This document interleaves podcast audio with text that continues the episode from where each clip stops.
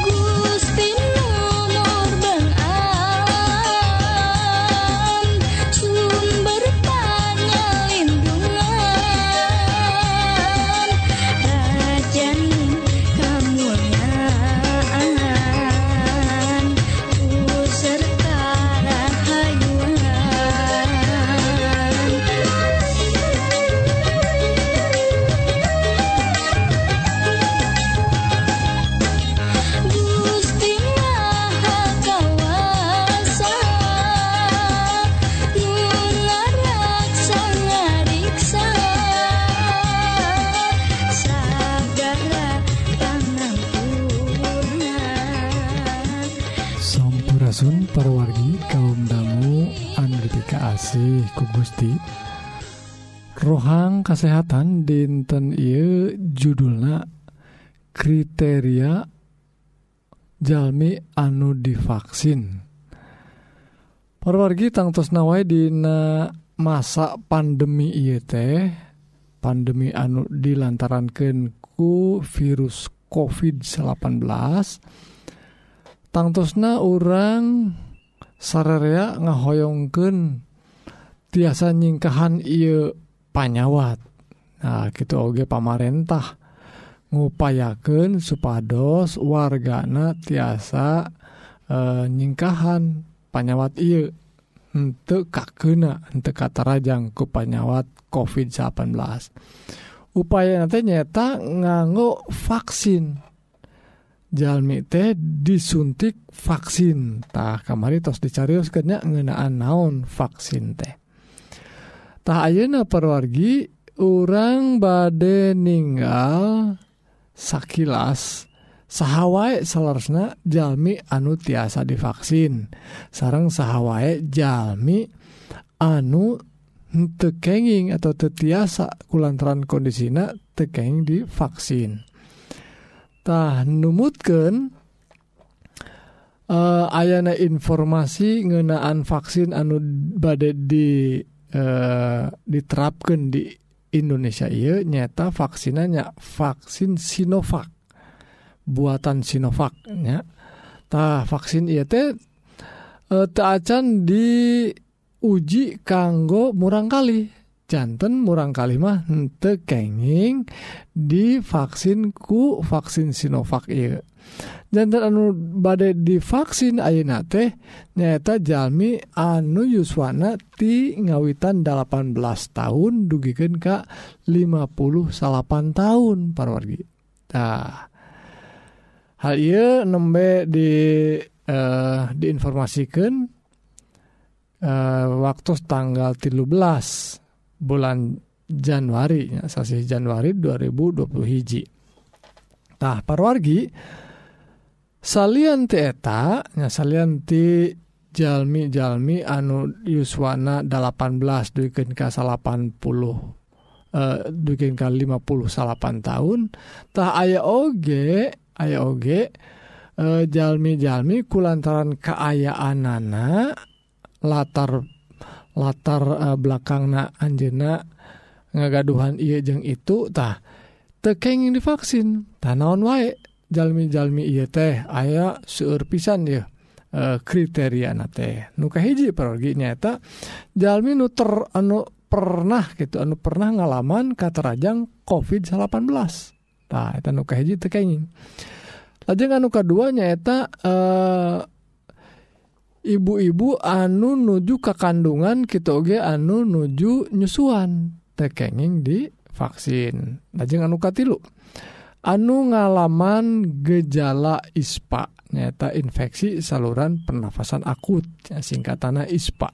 Sepertos ayana batuk pilek sesak napas tina tujuh dinten anu anu ka anu tos di langkungan ta eta tekenging nah lajeng anu kaopat nyata anggota kulawargi nusabumi anu ayak kontak anu kontak sarang eh, kasebat suspeknya suspek konfirmasi nuju ayah perawatan lantaran panyawat panyawat COVID. Tak naik keluarga orang aya itu orang tekenging di vaksin. Anu kalimat nyata nugagaduhan riwayat alergi berat.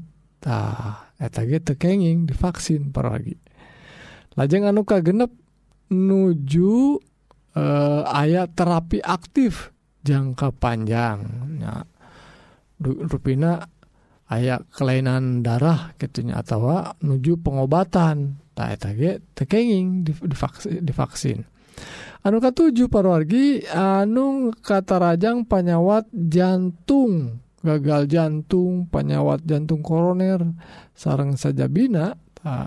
Tekenging divaksin tuh serpisan kriterianya pergi lajeng anu kadalapan anu ngalaman panyawat autoimun. Tak sapertos lupus. Aya oge sogren vaskulitis. Mah istilah Islam susahnya pergi tapi nuk itu tes sauna tekenging. Ya tekenging autoimunnya divaksin anu kasalapan ya itu nu kata rajang panyawat ginjal sepertos ginjal kronis. Anu nuju di cuci darah gitunya tekenging lajeng anu ke 10 anu katarajang panyawat rematik autoimun atau rematik artritis tekenging di vaksin. Nuka 11 anu katarajang panyawat saluran pencernaan kronis tekenging di vaksin. Uh seurnya anu ke-12 nu ngalaman panyawat hipertiroid atau uh, hipotiroid lantaran autoimun. Lajeng anu ke 13 anu ngalaman penyawat kanker kelainan darah imunokompromis anu sok nampi produk darah atau transfusi eta ge tekenging di vaksin. Anu ke-14 anu katarajang penyawat diabetes mellitus oge tekenging di vaksin.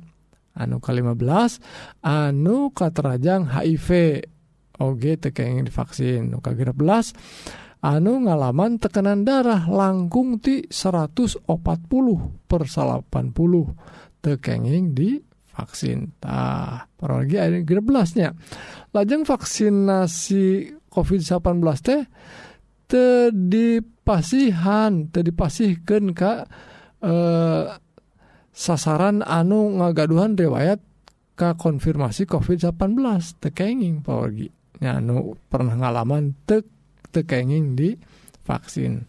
Terasa itu parogi eh, hal anu penting sahwai anu tiasa divaksin jeung sahwai anu tekenging divaksin. mugi-mugi keterangan ia bisa diterapkan Dina diri orang masing-masing supados langkahna bener. Nah, sakit mugi orang diberkahan sehat salam sehati Abdi. Amin. Bewara pangharepan Puji syukur Ka Gusti urang atas nampi bewara kesehatan mugi-mugi para wargi diberkahan ku Gusti di paparin kekuatan sarang kesehatan jiwa sarang raga kanggo lumampah sarang midamel pada melansa di dinten Sakali deui upami para wargi ngaraos diberkahan Atanapi aya patarosan tiasa ngontak Kasim Abdi Dinas serat emailnya eta bewara.pangharapan gmail.com Mugia urang tiasa saling nguatkan Dina nandangan hirup anu campuhku hal-hal duniawi mugia urang tiasa ngengken hirup anu pinuhku katenteman dilebet Isalmasih nukawasa di dunia jeung akhirat. salajengna Hayu atuh kaum dangu urang trasken kana rohang rohani anu badai ngaguar pengajaran kanggo urang tiasa lebet kasawarga jeng kengeng hirup anu langgeng anu unggelnatina kitab suci. Sumangga wilujeng ngadangguken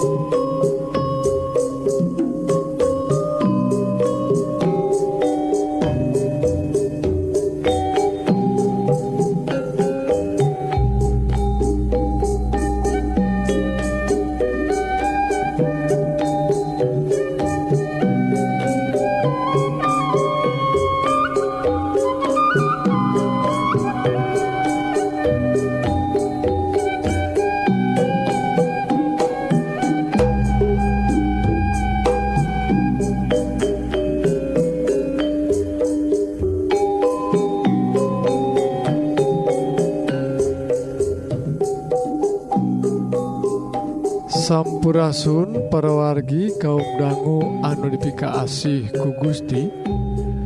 Rohang rohani dinten Ieu dicandak atau dicutattina hiji Yohanes pasal nuka hiji ayat 5 dugiken ke ayat 10 anu judulna Allah teh cahya caang.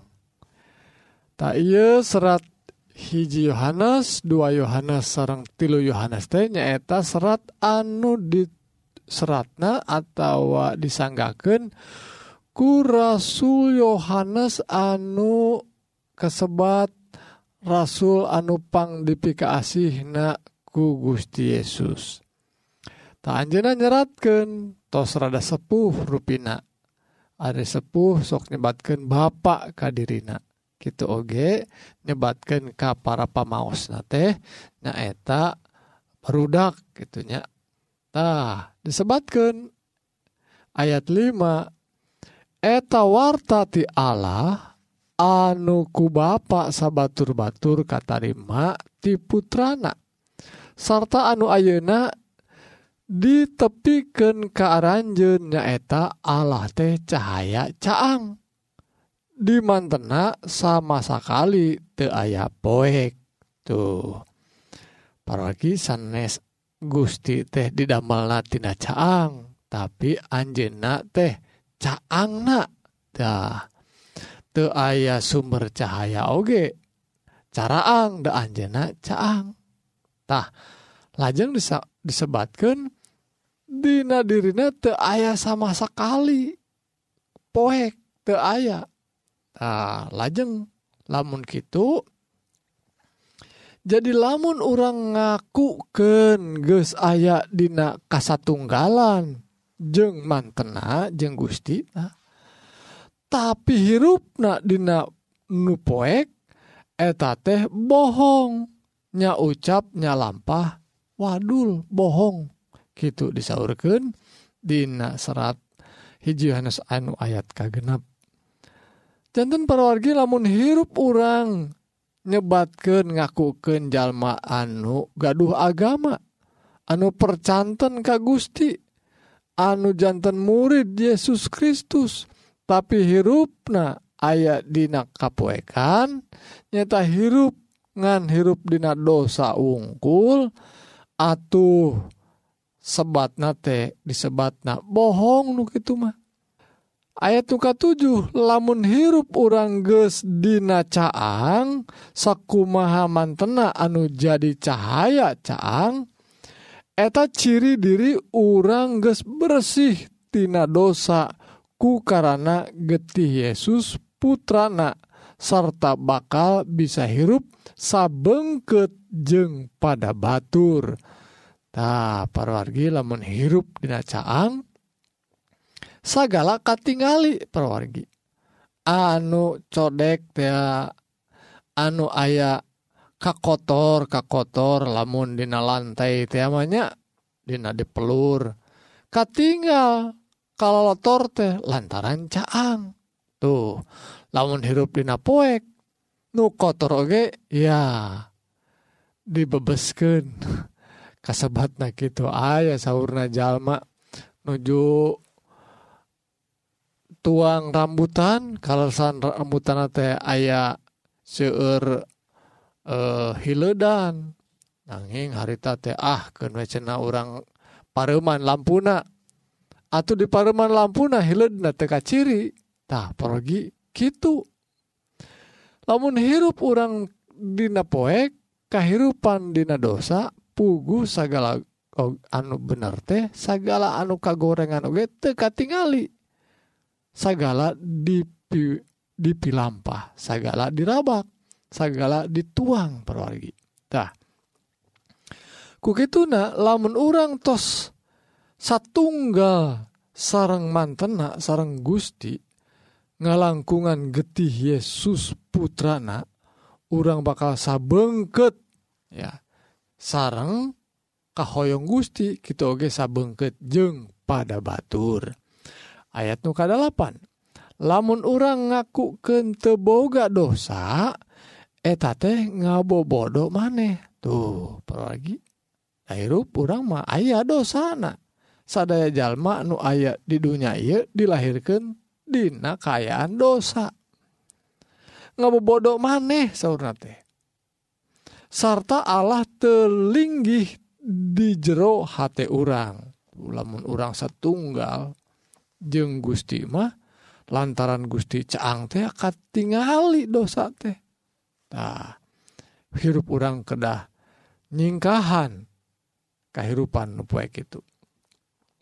Lajeng ayat ke salapan sabalikna lamun ngakukeun dosa ke Allah orang bakal dipaparin bukti tina hal jangjina nyaeta dihampura dosana.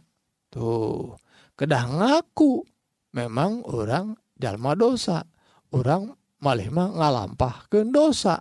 Kedah ngaku lamun ngaku saurna orang bakal dihampura dosana. Jeng disucikan tina sagala lampah orang anu salah gitu disaur genang lajeng ayat anu ka 10 paragi lamun orang ngakuken teboga dosa atuh urang teh sarua jeung nganggap Allah tukang bohong sarta hente keancikan kusabdana tak jantan parogi orang kedah ngakuken hirup memang hirup teh lantaran ayat dina dosa lahirna oge jalma dosa sok ngalampahkeun dosa. Ngaku ke Allah supados orang tengah bodoh maneh supados orang akhirnya dihampura dosana. Gitu parorgi saurna jalmi anu keancikan ku sabda Gusti. Mudah-mudahan parorgi iya sasauran dauhan ti Gusti nu disanggaken ku Rasul Yohanes dauhan Gusti iya mugi-mugi jantan berkah kana teu iman urang sadaya Bewara pangharapan sakitu para wargi bewara rohani dinten ieu mugi-mugi para wargi sadaya ngaraos diberkahan sarang ngalaman hirup anu tentrem saparantos ngadangu dauhan Gusti nu pastina moal ingkar dina nedunan janji-jangjina. Upami para wargi hoyong diajar dauhan Gustino Langkung jero tiasa ngontak Kasim Abdi. Dina serat email nyaeta bewara.pangharepan at gmail.com Mugia urang tiasa saling nguatkeun. Dina nandangan hirup anu campuhku hal-hal duniawi mugia urang tiasa ngengengken hirup anu pinuh ku katentreman dilebet Isal nu nukawasa di dunia jeng akhirat. pidua Abdi mugia Gusti ngaberkahan Ka urang sadayana. Amin.